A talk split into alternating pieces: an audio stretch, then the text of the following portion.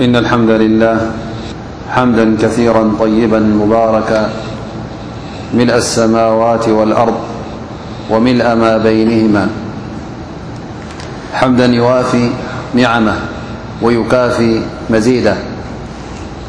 لك الحمد كله ولك الشكر كله علانيته وسره اللهم لك الحمد حمدا ولك الشكر شكرا والصلاة والسلام على المبعوث رحمة للعالمين بشيرا ونذيرا مؤيدا بالكتاب والحكمة فصلاة ربي وتسليماته عليه وعلى من استن بسنته واتبع هداه وسار على نهجه إلى يوم الدين وبعد صخبركم أوات السلام عليكم ورحمة الله وبركاته إن شاء الله الومي بآيا مبل ثمانيا شدشتا سورة التوبة مناأعوذ بالله من الشيطان الرجيما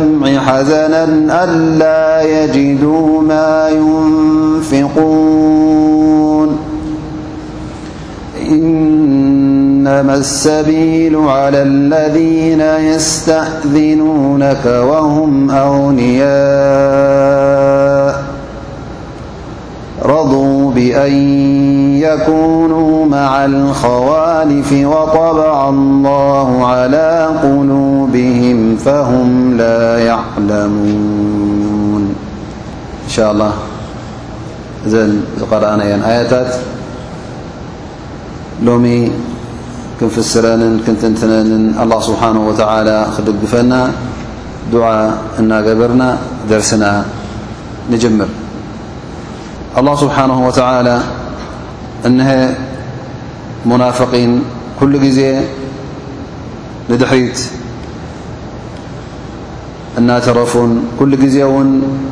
ኣንጻር ትእዛዝ ኣላህ ስብሓነሁ ወተዓላ ይጓዓዙ ከም ዝነበሩ ኣላህ ስብሓነሁ ወተዓላ እንሀብዛ ኣያ እዚኣ እውን ወኢዛ ኡንዝለት ሱረቱን እተፈላለየ ኣያታት ክወርድ እንከሎ ኣላ ስብሓን ወተዓላ ብዘውረዶ ቁርን ብዘውረዶ ዋሓይ እንተደኣ እዚ ትእዛዝ እዚ ትእዛዝ ናይ ጅሃድ ኣለዎ ኮይኑ እዞም ሰባት እዚኦም እዞም ሙናፍቒን እዚኦም ኩሉ ግዜ ኣብዚ ጅሃድ እዚ ኣብዚ ቓልሲ እዚ ንኸይካፈሉ ንኽተርፉ ፍቓድ ንኽሓቱ ይቀዳደሙ ከም ዝነበሩ ኣላ ስብሓን ወተዓላ ይሕብር ኣሎ ማለት እዩ ምኽኒት እውን ኣይነበሮምን መሓልፉ ኣላ ስብሓን ወተዓላ ሃብትን ውላድን ሂቦም እንከሎ ሽሻይ ርዝቂ ሂቦም እንከሎ ከምቲ ኣብ ዝሓለፈት ኣያ እውን ተጠቐሰት ፈላ ትዕጅብካ ኣምዋልሁም ወኣውላድሁም ኢለዎ ኣላ ስብሓን ወተዓላ ነበን ነቢና ሓመድ ስለ ላ ለ ሰለም እዞም ሰባት እዚኦም ጉድለት ናይ ሽሻይ ጉድለት ናይ ርዝቂ ኣይነበሮምን ሃብቲ ነይርዎም ማለት እዩ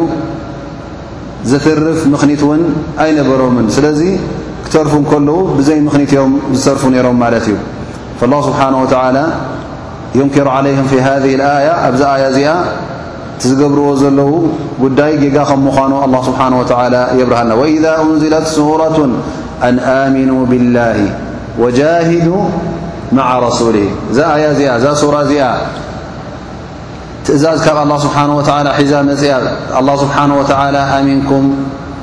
ወይ ከዓ ብኣላ ስብሓን ወተላ እመኑ እንተ ደኣ ብኣላ ስብሓን ወተላ ኣሚንኩም ውንቲ ትእዛዛት ኣላ ስብሓን ወተላ ኩሉ ክፍፀም ኣለዎ ወላ እውን እዚ ትእዛዝ እዚ ሓያል ትእዛዝ ይኹን ከቢድ ይኹን ኣላ ስብሓን ወተላ ክእዝዘካ እንከሎ ንሕክማ ብጥበብ ስለ ዝኾነ ብፍፁም ካብዚ ትእዛዝ እዚ ድሕር ክትብል የብልካን ግን ዞም ሙናፍቒን ጉዳይ ጂሃድ ቃልሲ ስለ ዝኾነ ድኻም ስለ ዘለዎ ኣሸጋሪ ስለ ዝኾነ ማልካን ንብረትካን ነፍስኻን እተብርሰሉ ዒባዳ ኣምልኾት ስለ ዝኾነ ኩሉ ግዜ እታ ኣዱንያ ድልት ናይ ኣዱንያ ዝስዕሮም ስለ ዝነበረ ናይ ኣዱንያ ብዝያዳ እውን ኣቐዲሞም ስለ ዝርእዎ ዝነበሩ እንታይ ይገብሩ ነይሮም? ኩሉ ግዜ ኣብዚ ከም ዝኣመሰለ ትእዛዝ የድሓርሕሩ ከም ዝነበሩ ኣላህ ስብሓነሁ ወተዓላ እስተእዘነከ ኡሉ ጠውሊ ምንሁም ኣይ ሁም ኡሉ ሰዓቲ ወጠውል ኣጠውል ብመዕና ልጊና ሃብቲ ማለት እዩ ክእለት ዘለዎም ሃብቲ ዘለዎም እዞም ሰባት እዚኦም ገዛእ ርእሶም ካብ እነቢ ስለ ላሁ ለ ወሰለም ፍቓድ ይሓቱ ነይሮም እዚ ፍቓድ እዚ ንምንታይ እዩ ምእንቲ ኣብዚ ቃልሲ እዚ ንኸይካፈሉ፣ ጂሃድ ንኣብ ጂሃድ ምእንቲ ከይካፈሉ ድኻም ስለ ዘለዎ፣ ጥፍኣት ናይ ንብረት ጥፍኣት እውን ስለ ዘስዕብ፣ እዞም ሰባት እዚኦም ምስ ሃብቶም ምስ ክእለቶም እንታይ ይሓቱ ነይሮም ማለት እዩ? ፍቓድ ይሓቱ ነይሮም። ያ ረሱላላ ንሕና ወይ ክእለት የብልናን ይብሉ፣ ወይ ከዓ ሓሚምና፣ ወይ ከዓ ከምዚ ኮይኑ፣ ወይ ሽግር ኣለና፣ ወይ እውን ንሕና ነኻፉል ፊትና፣ ፊ ዲኒና ብሽም ዲን ኣመሲሎም መጺኦም ንሕና ውን ድሌት ኣለና ክንጃሃድ ግን ካብኡ ዝዓቢ ሽግር ስለ ዘሎ ነቲ ዲንና ውን ክንሕሉ ስለ ንደሊ ያ ረሱላ ላ ፍቅደልና ኢሎም እቅዋዩ ነይሮም ማለት እዩ ላ ስብሓን ወተዓላ እዞም ሰባት እዚኦም ኣብዚ ኣያ እዚኣ ይወቕሶም ኣሎ ማለት እዩ ስለምንታይ እዚ ነገር እዚ ክገብርዎ ኣይነበሮምን። ብዝያዳ እዞም ሰባት እዚኦም ኣላ ስብሓን ወተዓላ ሽሻይ ሂብዎም እንዲ ዘሎ ልማዛ ላ ዩኣዱና ሽክራ ማ ኣዕጣሁም ላ ስብሓን ወተዓላ ምና ልغና ወልፈضል እቲ ተዋሂብዎም ዘሎ ርዝቅን ሽሻይን ከመስግኑ ነይርዎም። ምስጋና ናት እውን እንታይ እዩ ትእዛዝ ኣላ ስብሓን ወተዓላ ኣብ ግብሪ ከተውዕል ከለኻ እዚ ብግብሪ እቲ ምስጋና ትርኢ ኣለኻ ማለት እዩ ሃኡላ እዞም ሰባት እዚኦም ፈፂሞም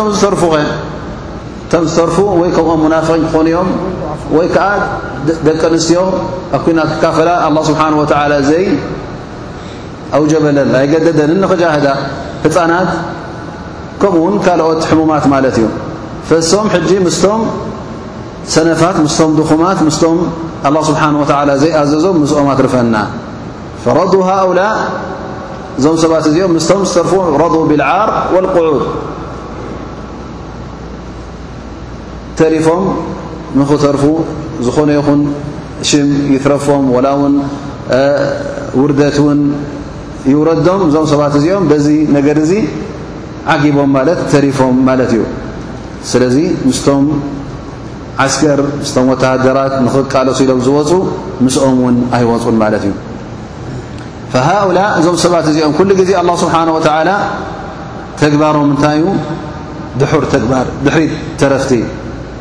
እንተ ናይ ምቅላስ ናይ ሓይሊ ናይ ኩናት ነገር ክጥቀስ እንከሎ ተጅድሆም ቦጅባጃት ሃደምቲ ፈራሃት ኢኻ ትረኽቦም እንተ ደኣ ግዜ ሰላም ኮይኑ ግዜ ኣማን ኮይኑ ድማ ኩሉ ግዜ መልሓሶም የንውሑ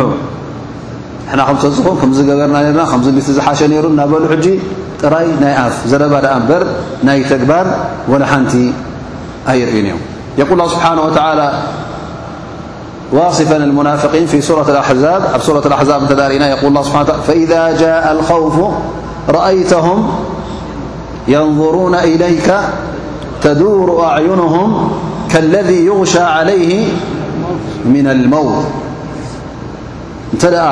ፍርሃት መፅኡ ግዜ ኩናት ሓቂ እተ ሸዓኣ ልምዓት ናይ መስመስ ክብሉ ሴፍ ምስ ተራእየ ፀላኢ ኣብ ቅድሜኻ ምስ ኮነ ኣብ መንጎኻን ኣብ መንጎኡን ዓሰርተ ሜትሮ ምስ ተረፈ ሽዑ እንታይ እዮም ዝገብሩ ኸላስ ሞት ኣትያ ኢሎም እዘን ኣዒንቶም ቀባሕባሕ ብላ ማለት እዩ የማን ፀጋም እብሉ ልክዕ ከመይ ከምዚ ኣብ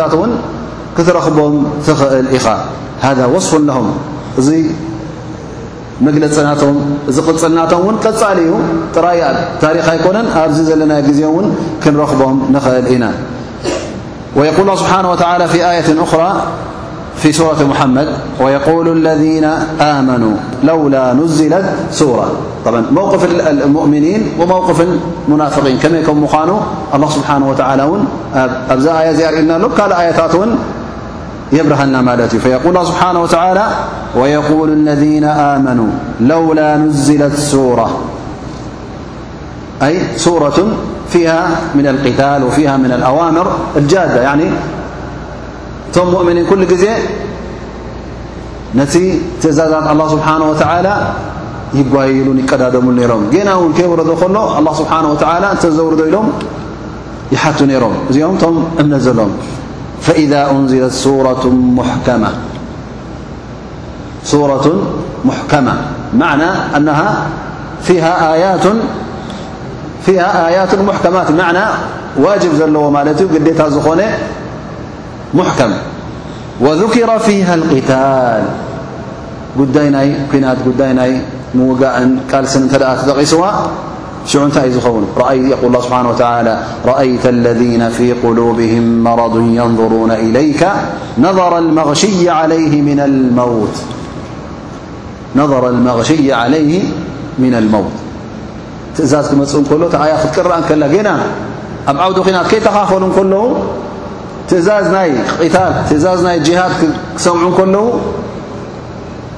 እሞ ሕጅስ እዛ ኣያ መፅያ ዘላ ከተገድደና ማለት እዩ እሶም ኣስለን ኣብቲ እስልምና ኣትዮም ዘለዉ ካብ ሞት ፈሪሆም እዮም ኣትዮም ዘለዉ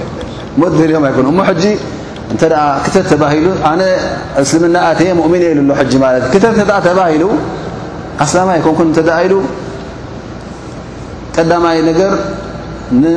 ኣብ ናይተነታት ዱንያ እውን ትበቕዖ ማለት እዩ ካልኣይ ነገር ውርደት እዩ ሓሲኻ ክበሃል እዩ ሽሙ እውን ክኸፍእ እዩ እሱ ኣሰን ኣብቲ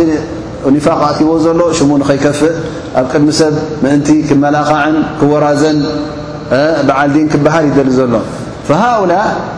እሞ ታይ እታ ኮይና ተ መፅያ ሕጂ ክተት እተ ተባሂሉ ድሕሪ ክተርፍ ኣይክእልን እዩ እሞ ሞት መፅያ ኢሉ ሕጂ እንታይ እዩ ዝኸውን ከማ ወሰፈሁም ላ ስብሓን ወተዓላ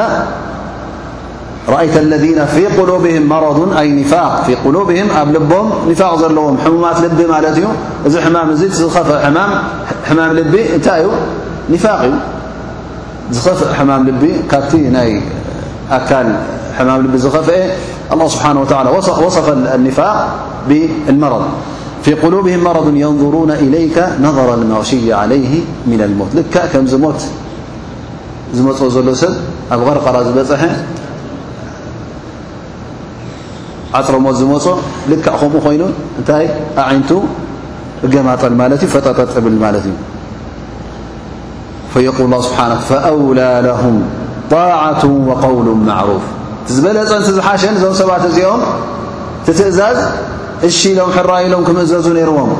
ክምልሱ ከለዉ ድማ ጥዑም ቃል ከስምዑ ነይርዎም ፈኣውላ ለሁም ዝበለፀ ዝሓሸ ንዕኦም ጣዓ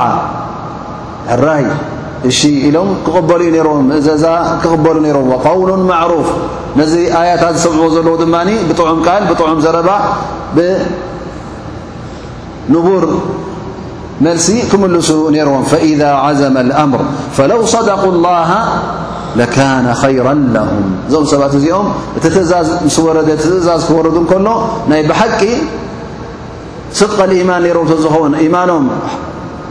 ቅኑዕ ነይሩ ተዝኸውን ፅኑዕ ነይሩ ተዝኸውን ንኦም መሓሸ ነይሩ እቲ ክወርድ ከሎ ኣያታት ሕራይሎም ክቕበሉ ከለዉ ላኪን ሃኡላ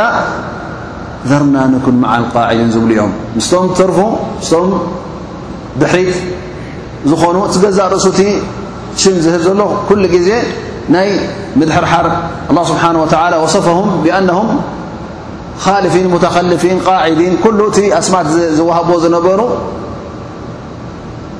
ሕማቕ ዝኾነ ሽም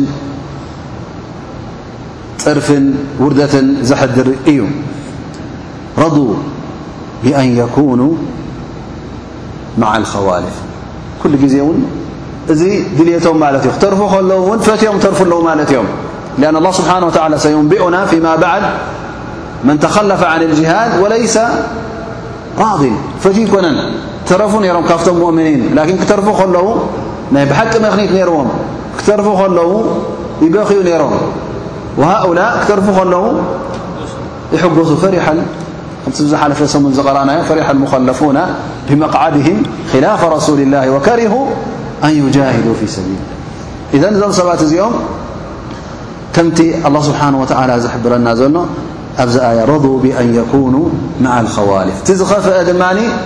ተሪፍና ኢሎም ኣይሓመሙን ተሪፍና ኢሎም ካብ ር ተሪፍና ኢሎም ኣይሓዘኑን ካብ ር ተሪፍና ኢሎም ኣይጓሃዩን እንታይ ደኣ ረض ፈትዮሞን ደስ ኢልዎም ረድዮሞ ማለት እዩ ብኣን የኩኑ መዓ ልኸዋሊፍ ንሶም ድሑራት ንኽተርፉ ደስ ኢልዎም لذلك الله سبحانه وتعلى لفم بسب نكله سنك بيم سنك جرم طبع الله على قلوبهم كحدة نفاق زيدة الله سبحانه وتعلى ب لبم تم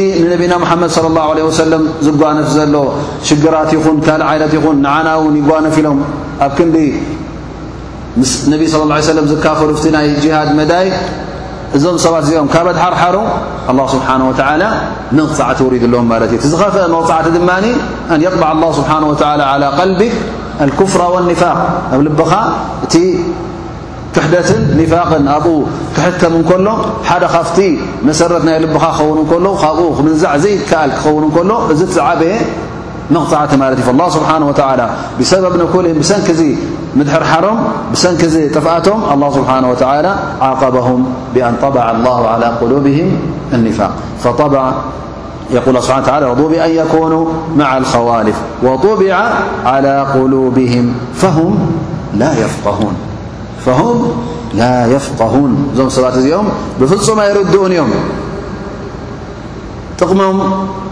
ረብሐኦም ዘለዎ ፈጺሞም ኣይርድእዎን እዮም። ስለዚ እቲ ዝገብርዎ ዘለዉ ኩሉ ጉድኣት ንዕኦም እዩ ደኣ እምበር ጥቕሞም ኣይኮነን። ኣብ ኣዱንያ ይኹን ኣብ ኣኼራ ዝረብሕዎ ነገር የለን። እንታይ ደኣ ኩሉ ናይ ኣዱንያን ናይ ኣኼራን ውርደትን ክሳራን እዮም ረኺቦም ዘለዉ። ምስ ነቢ صለ ላሁ ለ ወሰለም እናተቐመጡ ዓወታት እናረኣዩ እንከለዉ እቲ ኣያታት ተኣምራት ውን ብዓይኖም እናረኣይዎ እንከለዉ እዞም ሰባት እዚኦም ካብዚ ኩሉ ር ካብዚ ኩሉ ሰናይ ነፍሶም ሓሪሞም እዚ ኩሉ ብዓይኖም እናረኣይዎ ከለዉ ካብ ዘይተጠቐምሉ እዞም ሰባት እዚኦም ብሓቂ ዘይርድኡ ማለት እዮም ርድኡ ነይሮም ተዝኾኑ ለው ካኑ የፍቀሁን ለተበዑ ነቢ صለ ላه ለ ሰ ወላ ሰደቁ ፊ ኢማንህም ብሓቂ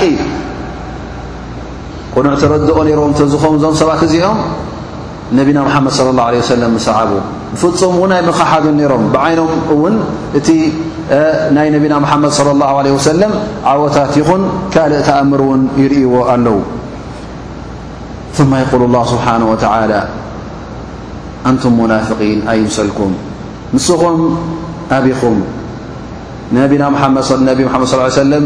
ኣይሰዓብኩምን ኣይተኸተልኩምን ኣብቲ ጅሃድ እውን ኣይተኻፈልኩምን እሞ እስኹም ተዘይተኻፈልኩም እቲ እስልምና ዝጉዳእ መሲሉኩም ድዩ ወይ እውን ነቲ ትእዛዝ ኣላ ስብሓን ወተዓላ ዘኽብር ዘይርከብ መሲሉኩም ድዩ ከማኹም ኩሉ ነዚ ትእዛዝ ዘዕብር ዶ መሲሉኩም እዩ የቁል ላ ስብሓ ላኪን ረሱል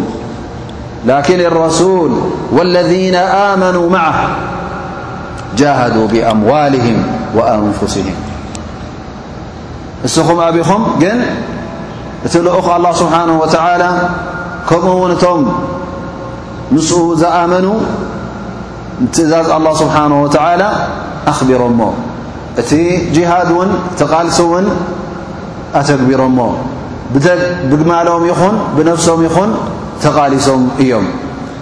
كما قال الله سبحانه وتعالى فإن يكفر بها هؤلاء فقد وكلنا بها قوما ليسوا بها بكافرين እ ኣበኻ ኣሽሓት ኣለው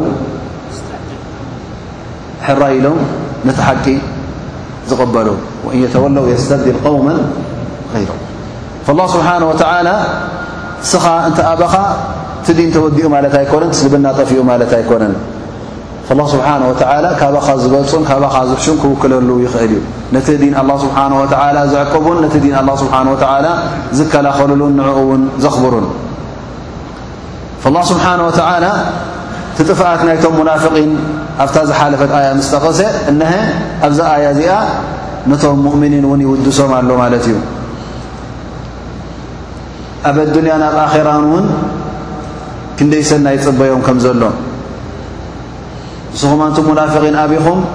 ኣብ ኣዱንያን ኣኼራን ክሳራ ጥራይ ኮይንኩም እንሆ ድማ ሙእሚኒን እቲ ትእዛዝ ኣላ ስብሓን ወተዓላ ተቐቢሎም ምእንቲ ዚ እስልምና ዘይተቓሊሶም ትንፋሶም ኣሕሊፎም ንብረቶም እውን ኣብሪሶም ፈኡላይከ ለሁም ልኸይራት እዞም ሰባት እዚኦም ኣላ ስብሓን ወተዓላ የብል ፈኡላይከ ለሁም ልኸይራት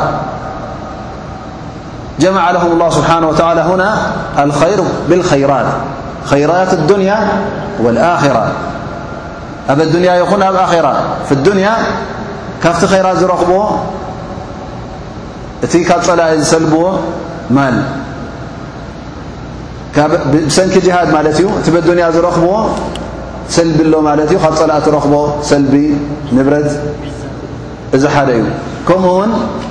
ክብርን ከምቲ ዝብሎ ዘሎ ዒዛ ክብሪ ትረክብ ማለት እዩ ምኽንያቱ ብዘይ ጅሃድ እውን እንታይ ኢኻ ትለብስ ውርደት ኢኻ ትለብስ ሓይሊ ዘይብሉን ክከላኸል ዘይክእል ንነፍሱን ዲኑን ንብረቱን ስድርኡን ክከላኸል ዘይክእል እዚ ኩሉ እንታይ ማለት እዩ ጸላኢኡ ኣብ ዝኾነ ይኹን ሰዓት ኣብ ዝኾነ ይኹን እዋን ክወሮ እንተ ደኣ ዝኽእል ኮይኑ ወሪሩ እውን ክስዕሮ እንተ ደኣ ዝኽእል ኮይኑ ክከላኸል ዘይክእል እንተ ደኣ ኮይኑ ኩሉ ግዜ ኣብ ውርደት ክነብር እዩ ማለት እዩ ትሑት ክኸውን እዩ ክርገጽ እዩ ስለዚ እዚ እውን ኣብ ኣዱንያ ሓደ ሰብ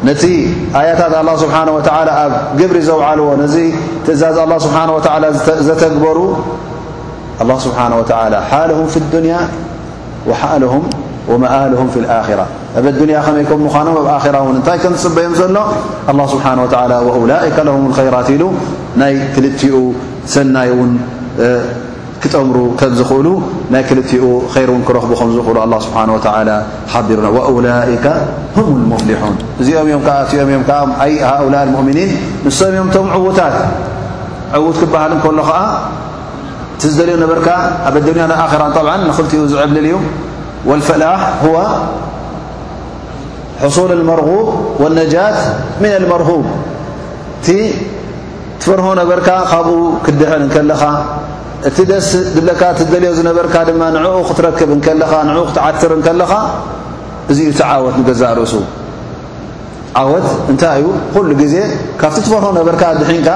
እቲ ትምነዮ ነበርካ ክትረክብ ከለኻ እዚ እዩ ዓወት። ካብኡ ንላዕሊ ዓወት የለን። ካብ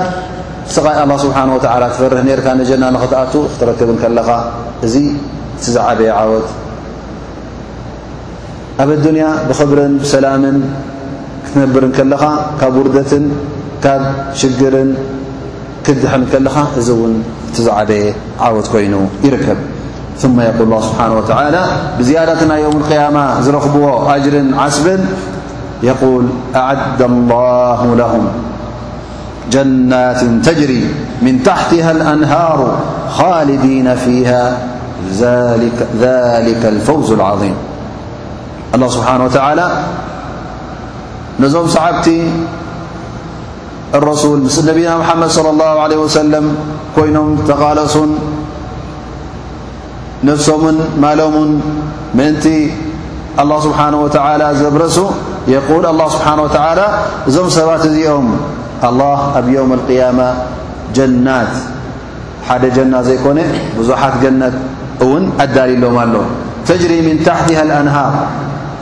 እዚ ጀና እዚ እውን ብትሕቲኡ በብዓይነቱ ፈለጋት ዝውሕዘሉ ጀና እዩ ኣንሃሩን ምን ዓሰል ኣንሃሩን ምን ለበን ኣንሃሩን ምን ኸምር በብዓይነቱ ኣንሃሩን እዚ ኩሉ ውሓዚ እዙ ኣስማቱ ከምቲ ኣብ ኣዱንያ ዘሎ ኣስማት ይወሃብላ ግን እዚ መቐረቱን መلكع ك ያ ዘሎ أيك لأن النبي صلى الله عليه وسلم وصفها فيها مالا عين رأت ولا أذن سمعت ولا خطر على قلب بشر ل مأنت قرب نتنردا الله سبحانه وتعالى بتن حنا نرد طنقاجير بتن حنا نرد መልክዕ ገይሩ እቲ ናይ ጀና ሽሻይ ኣቕሪቡልና ማለት እዩ ፈህየ ኣንሃር ወለይሰት ናህራ ዋሒዳ በቢ ዓይነቱ ወሓዚ ዘለዎ ማለት እዩ እዚ ኩሉ ንዓኻ ንደስታኻን ተቐሪቡ ኣሎ ማለት እ ተጅሪ ምን ታሕቲ ኣንሃር ኻሊዲና ፊሃ ዘየቋርፅ ቀፃሊ ዘለኣለማዊ ደስታን ዘለኣለማዊ ፍስሃን ክረኽቡ እዮም እዚ ኸዓ እዩ እቲ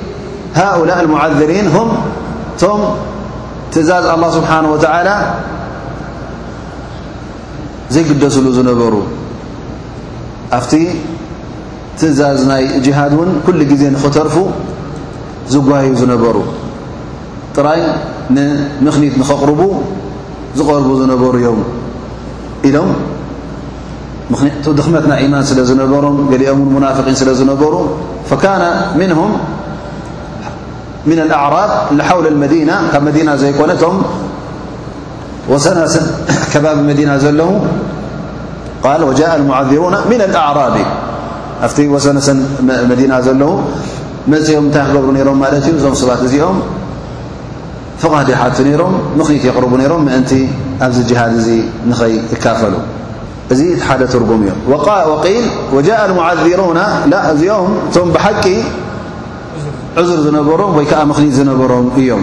ኣህሉ ዓዛር እዮም መፅኦም ድማ ምኽኒት የቕርቡ ነይሮም ወቃዓደ ለذነ ከዘቡ ላሃ ወረሱላ ኣማ እቶም ሙናፍቒን እቶም ትእዛዝ ኣላ ስብሓን ወተዓላ ዘይቀበሉ ዝነበሩ እዞም ሰባት እዚኦም ኣስለን ወላ ምኽኒት ንኽቡ እውን ኣይተበገሱን ولا ن ن أيتدث فقاعدوا وتركوا الاعتذار بالكلية نت منن ب نبرن جلف فأتوا فإذ معذرون لتمعن كت لم لا الله سبحانه وتعالى وصفهم وقاعد الذين كذبوا الله ورسوله أي كذبوا في دعواهم الإيمان بالله وبرسوله لأن م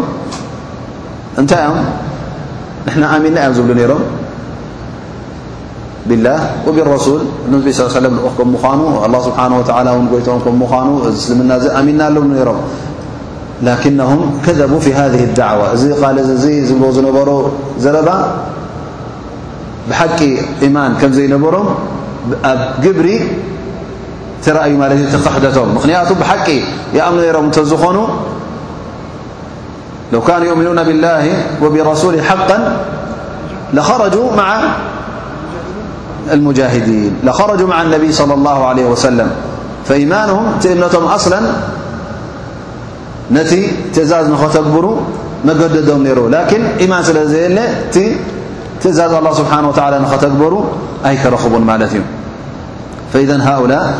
الله سبحانه وتعالى زأ يزئ وجاء المعذرون من الأعراب ليؤذن لهم وقعد الذين كذبوا الله ورسوله إذن وصفهم بأنهم كذبوا الله ورسوله ثم يقول الله سبحانه وتعالى سيصيب الذين كفروا منهم عذاب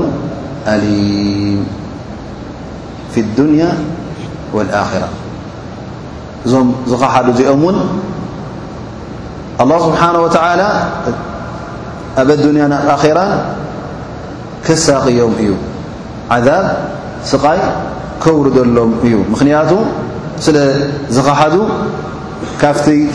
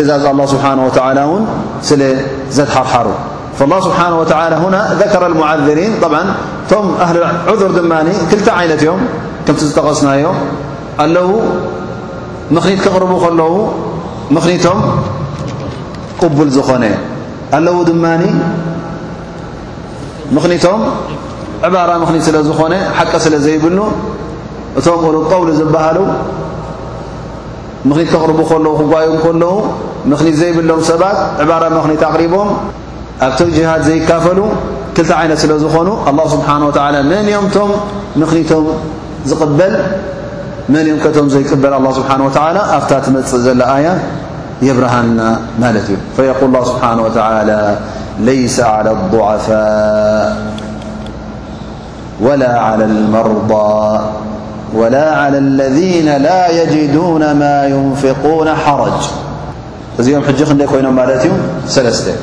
ለይሰ ዓላ ضዓፋእ ضዓፋእ ንኹሉ ንጠቓል ማለት እዩ ድኹም ማለት እዩ ክእለት ዘይብሉ ድኹም ማዕና ሓደ ሰብ ኣላ ስብሓን ወተዓላ ኣብቲ ክልቃናቱ ቀደምቲ ጅሃድ ከቢድ እዩ ነይሩ ብኣካልካ ብቕልፅምካን ብሓይልኻን ኢኻ ትዋጋእ ነርካ ኣብ ዘለናዮ ግዜ ግን ምናልባሽ ወላ ቐጢን ሰብ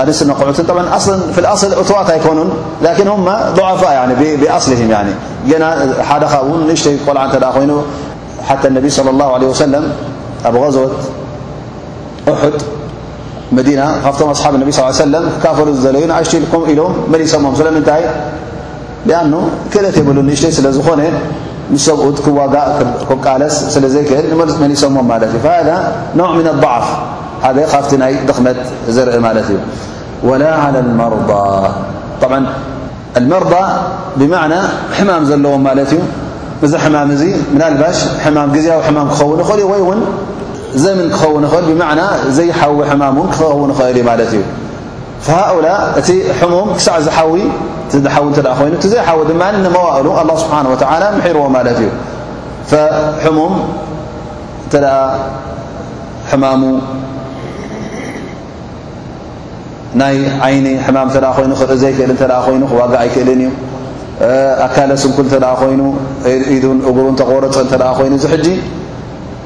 ንኽዕረ ማለ እግሪ ንክትገብረሉን ንካል ክትውስኸሉን ኣይከኣልን እዩ ስለዚ እዚ ቀፃሊ ሕማም ኸውን ወይ እውን ከምዚ ባራዳይስ ዘለዎ ሰብ ሸለል ዘለዎ ሰብ እተ ኮይኑ እዚ ኩሉ እውን እዚኦም ሕጂ ክጃህዱ ኣላ ስብሓን ወተላ ምሒርዎም ማለት እዩ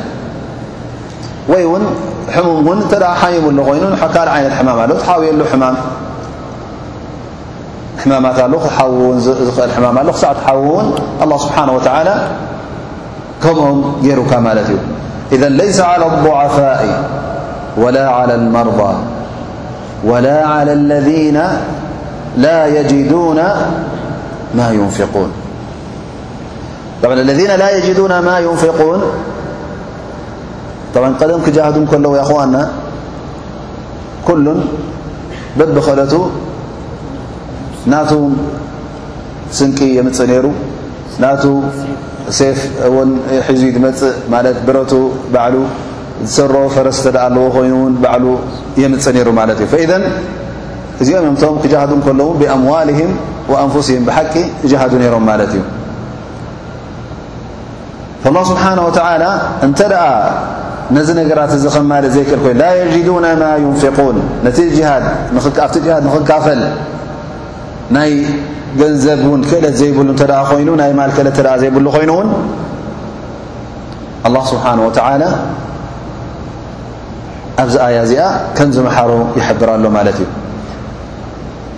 عن ابن عباس قال في هذه الآية ذلك أن رسول الله صلى الله عليه وسلم أمر الناس أن ينبعثوا غازين معه فجاءته عصابة من أصحابه فيهم عبد الله بن معقل بن مقرن المذني فقالوا يا رسول الله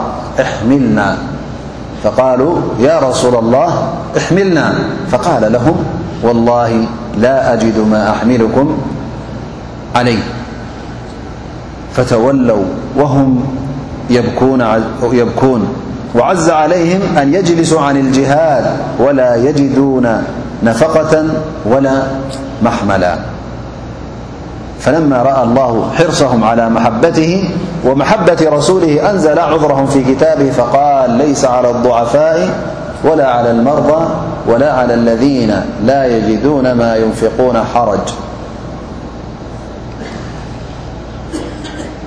طبعا يا ق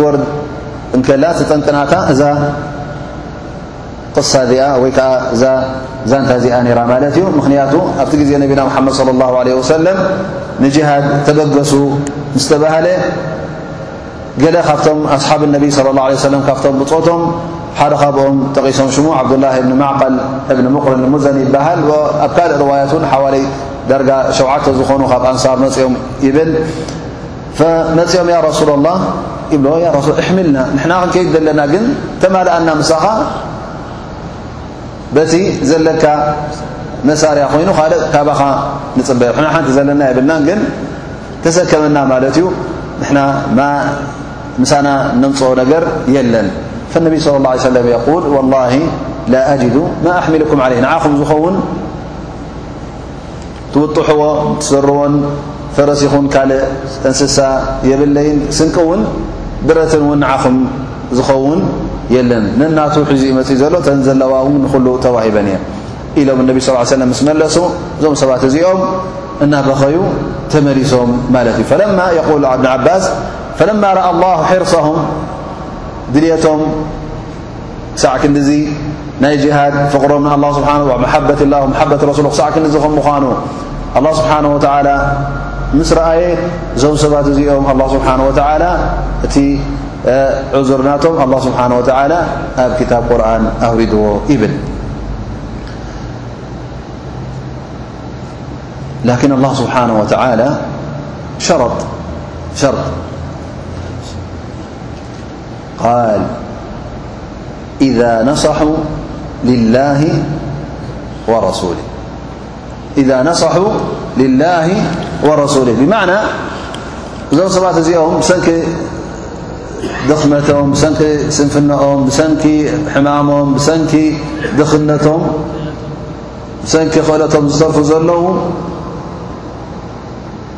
መዓስ እዮም እቲ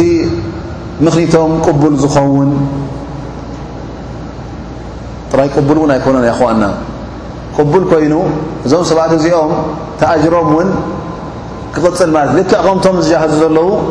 ክሕሰበሎም ማለት እዩ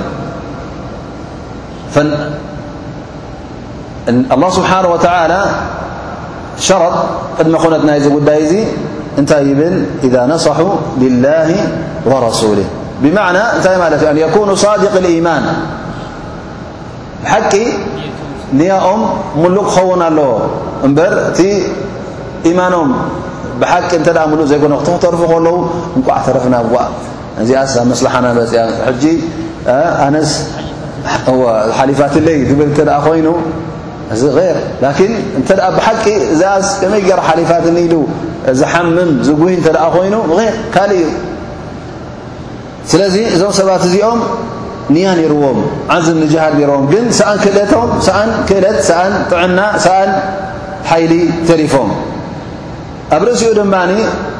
ዝከኣሎም ክገብሩ ሽዑ እውን ምኽንያቱ ምናልባሽ እቲ ኣከለ ስንኩል ናይ ኣብ እግሩ ተቆሪፁ ኢዱ ተቆሪፁ እንተ ኮይኑ ላኪን ዕንዱ ቁድራት ታንያ ካልእ ክእለታት ኣለዎ እቶም ሙናፍቒን እንታይ እዮም ዝብሉ ነይሮም ክተርፉ ከለዉ ንሶም ተሪፎም ንኻልእ የድርፉ ነይሮም ማለት እዩ ላኪን ሃኡላ እንተ ብሓቂ ኢማን ኣለዎም ኮይኑ ንሱ ክተርፍ ከሎ ንኻልኦት ይሸጅዕ ይደፍእ የተባብዕ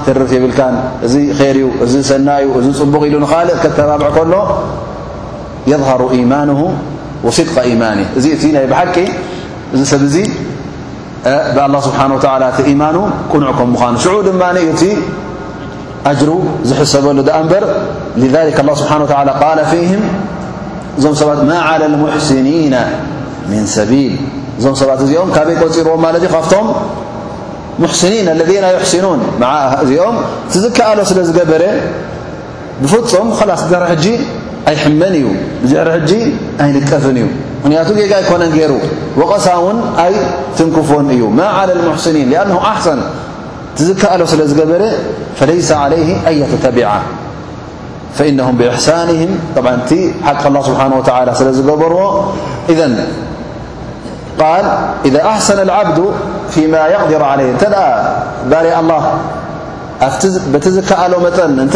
ل ي ير سقط عنه ما لا يقدر عليه فاتقوا الله ما استطعتم ت ك ر يكك الله سبحانه وتعالى يمحرك ي في رواية نأبي حاتم عن الحسن قال قال رسول الله صلى عليه وسلم لقد خلفتم بالمدينة أقواما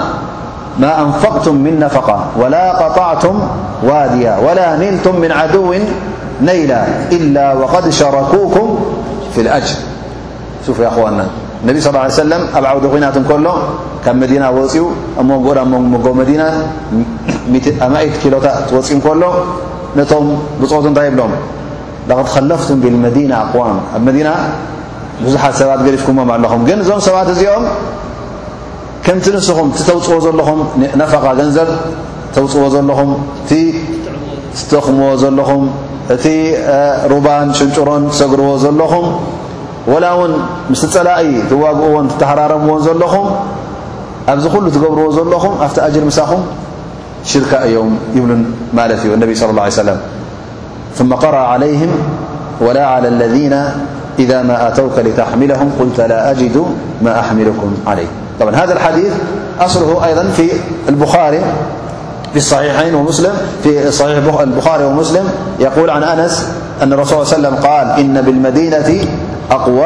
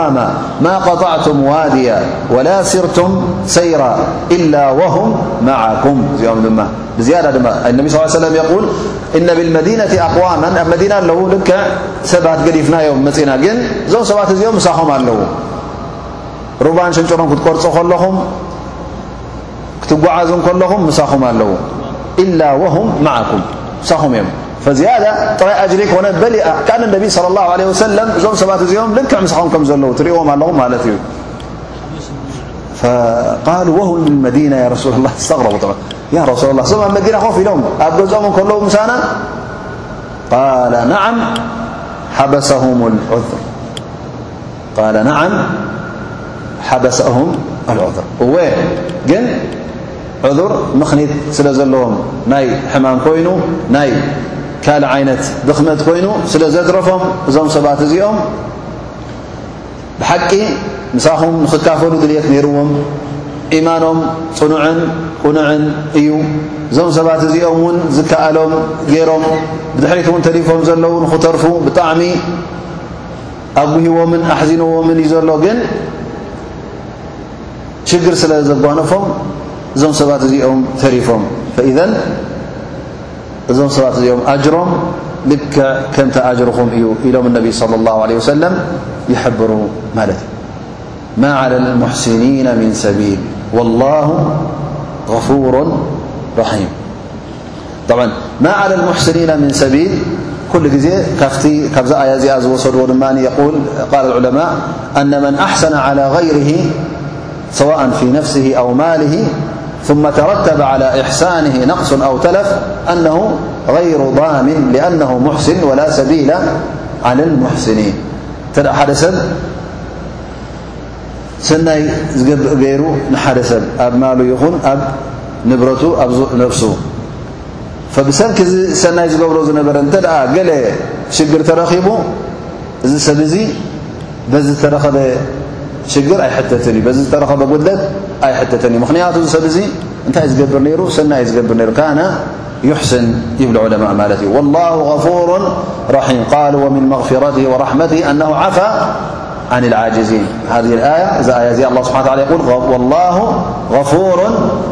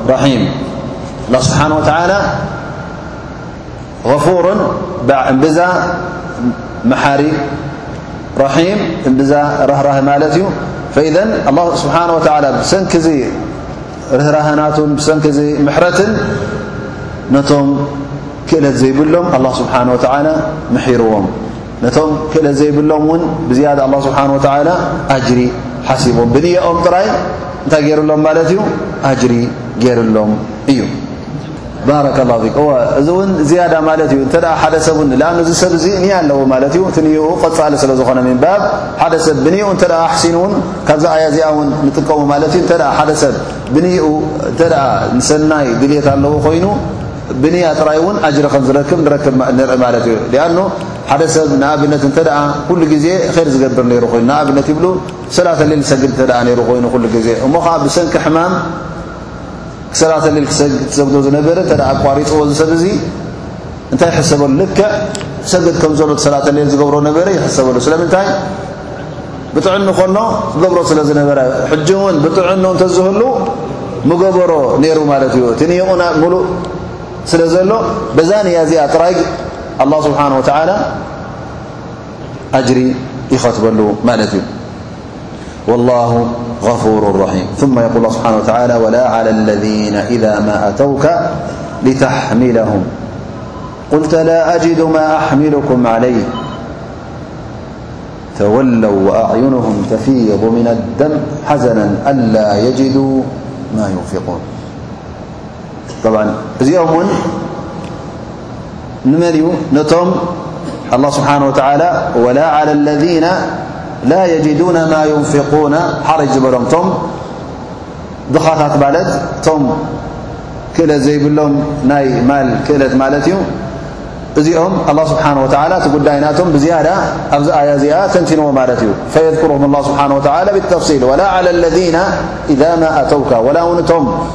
መጺኦም ያ ረሱላ ላህ ንሕና ንኽንቃለስ ንኽንጃህድ ድልዋት ኢና ግን ሕፅረት ናይ ኢድ ስለ ዘለና ንስኻ ተማልኣና በቲ ዘለካ ንብረት ጌርካ በቲ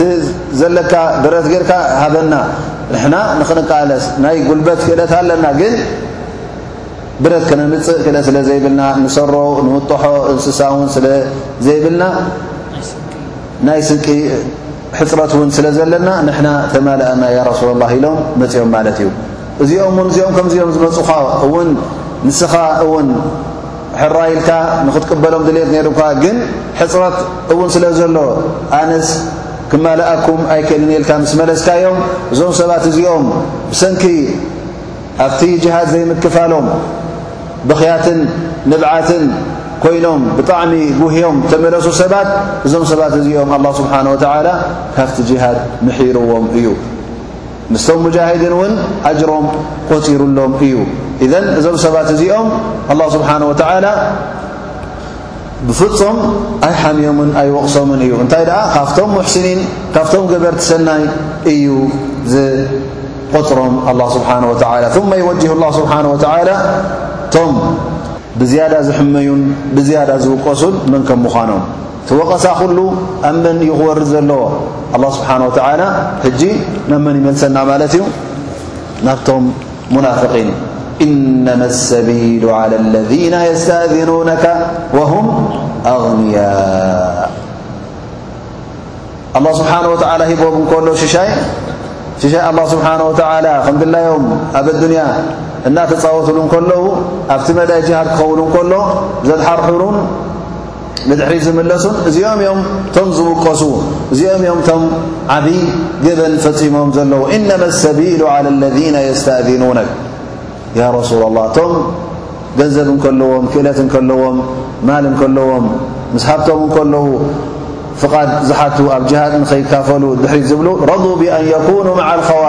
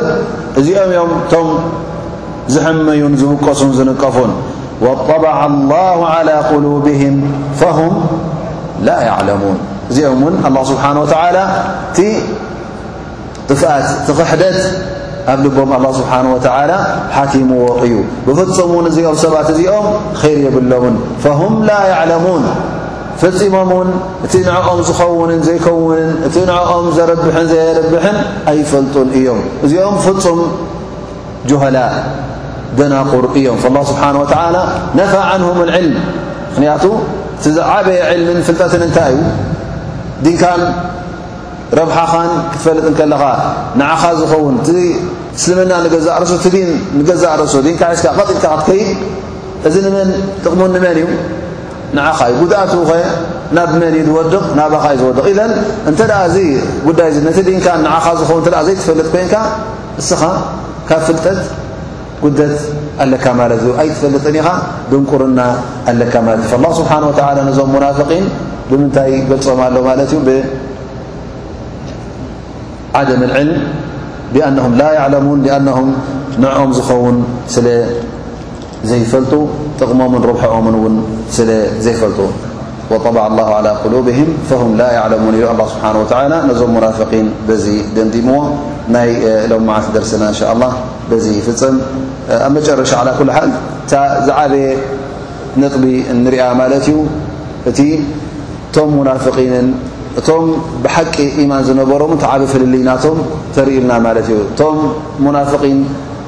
ካብቲ ጅሃድ ክሃድሙ እንከለዉ ነዚ ነገር እዚ ክሕጎሱሉን ደስ ክብሎም እንከሎ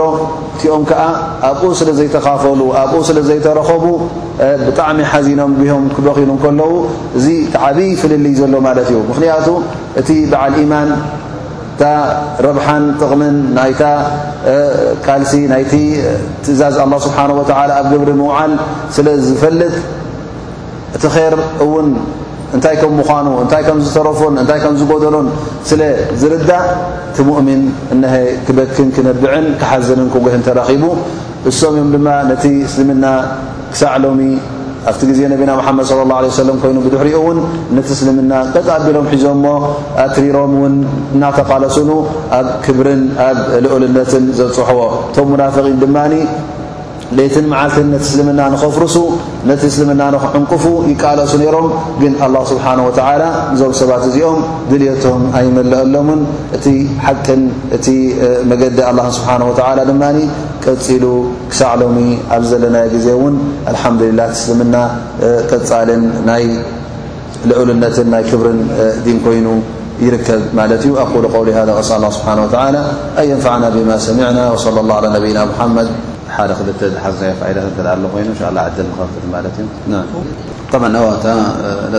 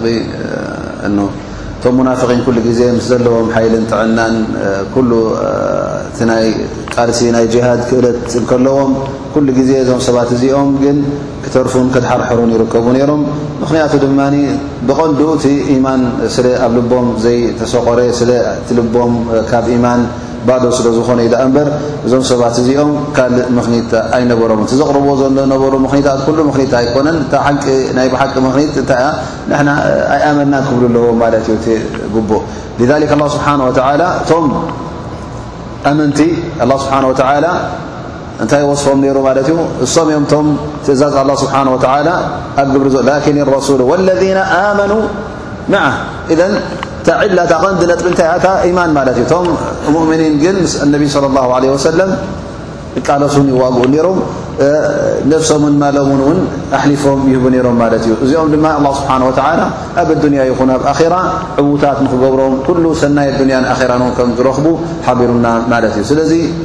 ዋጋ ናይ ጀና እውን ቀሊል ኣይኮነን ኣላ ስብሓን ወተዓላ ነዞም ሰባት እዚኦም ነዞም ሙእምኒን ኣዓደ ላሁ ለም ጀናትን ተጅሪ ክብል እንከሎ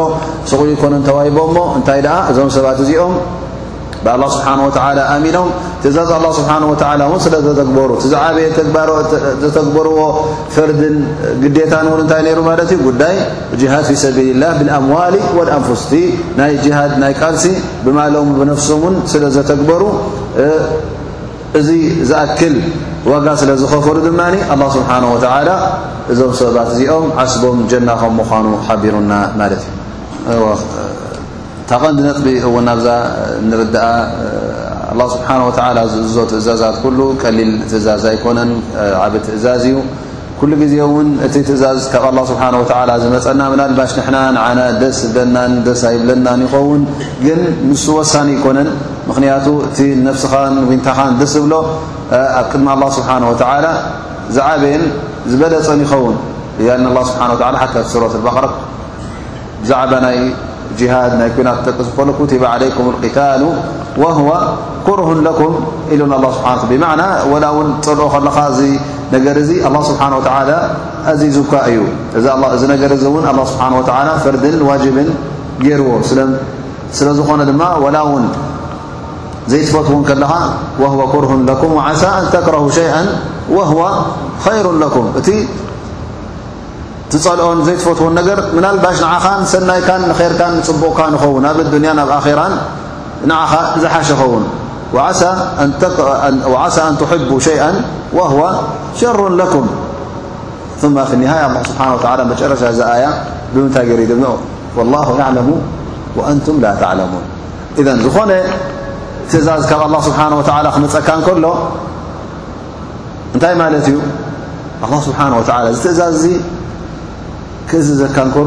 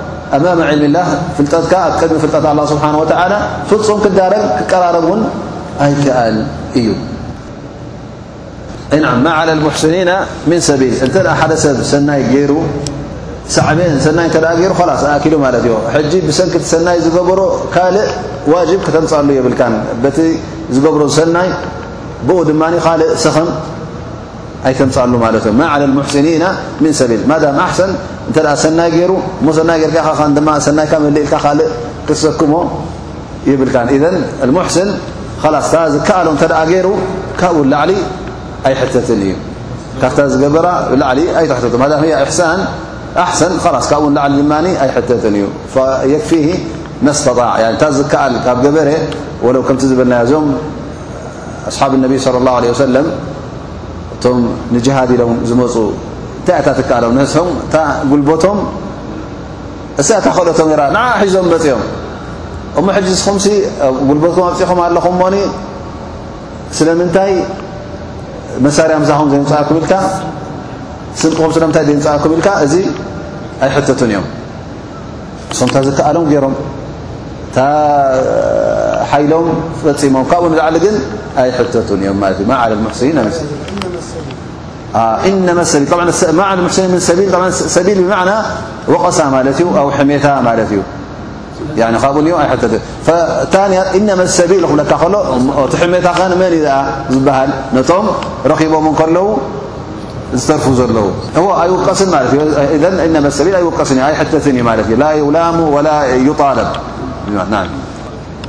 ካብቲ ፋይዳ ሎም ዓርሲ ዝወሰድናዮ እውን እቶም ድኹማት ድኽመት ዘለዎም ወይከዓ ሕማም ዘለዎም ሰባት ኣላ ስብሓን ወተዓላ ከም ዝመሓሮም ርኢና ማለት እዩ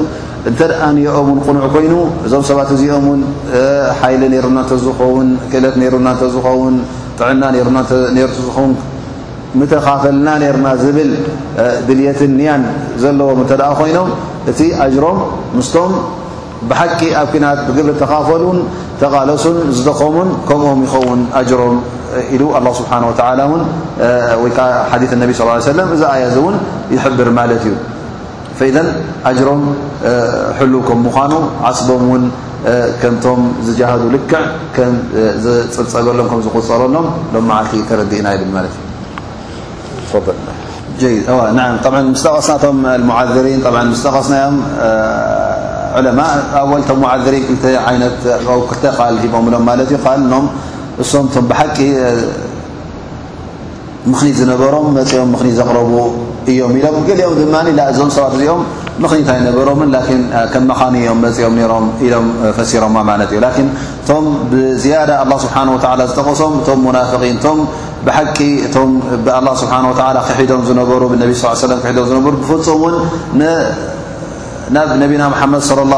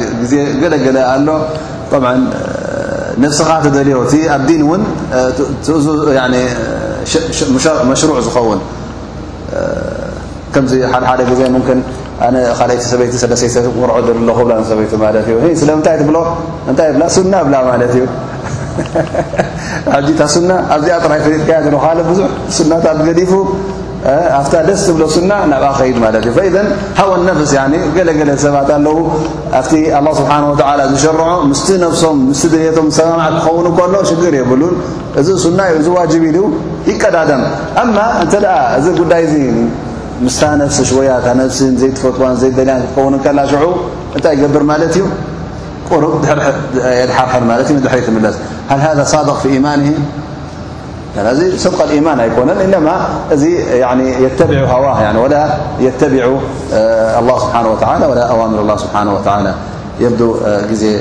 ع أقول قول هذا وأسأل الله سبحانه وتعالى أن ينفعنا بما سمعنا وأن يعلمنا ما ينفعنا وصلى الله على نبينا محمد وعلى آله وصحبه وسلم أجمعين